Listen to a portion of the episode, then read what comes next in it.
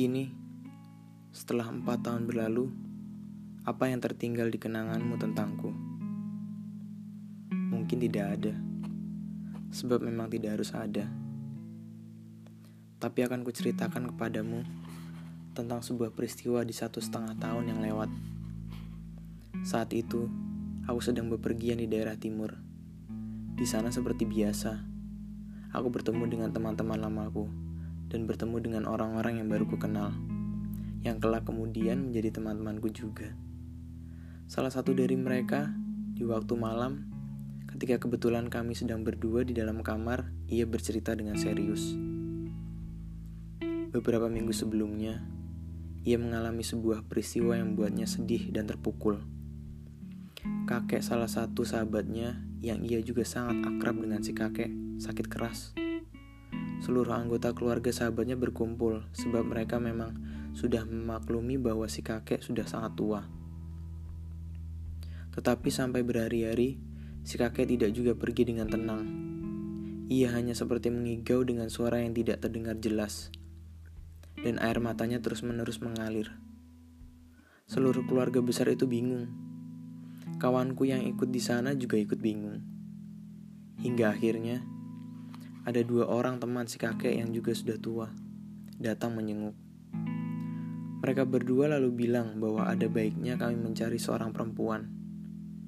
Dan ia menyebut sebuah nama perempuan yang aku lupa. Perempuan itu dulu adalah kasih si kakek. Dua orang tua itu bilang, siapa tahu si kakek masih mencintai perempuan itu. Lalu keluarga besar itu mengutus sahabatnya temanku dan temanku untuk mencari perempuan yang dimaksud. Hampir seminggu mereka mencarinya, dan akhirnya ketemu dengan si nenek yang dimaksud. Dan jaraknya ratusan kilometer. Percayakah kamu, nenek itu juga sedang sakit. Dan di sana tengah berkumpul seluruh anggota keluarganya dengan cemas. Si kakek hanya diam dan matanya nanar menatap langit-langit.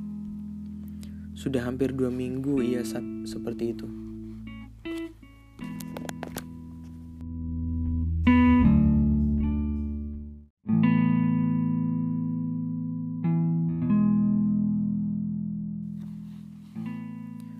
Sudah hampir dua minggu ia seperti itu.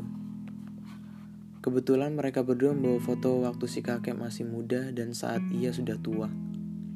Begitu si nenek melihat foto si kakek, pecahlah air matanya. Ia menangis tanpa suara. Ia memegang erat tangan cucu si kakek, dan tak berapa lama kemudian si nenek meninggal dunia dengan tenang. Kini giliran kawanku dan cucu si kakek yang kebingungan. Oleh keluarga besar si nenek, mereka berdua diberi foto waktu si nenek masih muda dan saat si nenek sudah tua. Mereka berdua lalu pulang. Saat mereka di depan si kakek yang masih ditunggu keluarga besarnya, mereka menunjukkan foto-foto si nenek. Kembali si kakek banjir air mata. Tak seberapa lama kemudian ia meninggal dunia. Mendengar cerita itu, hatiku berdesir, terasa perih. Aku tentu saja tidak ingin mengalami kejadian seperti itu. Tentu kamu juga tidak menginginkannya. Aku pikir itu sesuatu yang sangat menyedihkan. Tapi hatiku perih mendengarnya. Dan selalu terbayang hal seperti itu bisa menimpaku.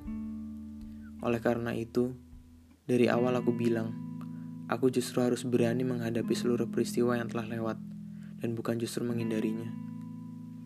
Kenangan tidak bisa dihilangkan, Kenangan hanya bisa dihadapi atau diperam dengan risiko membusuk di dalamnya. Aku menghadapinya. Menghadapinya.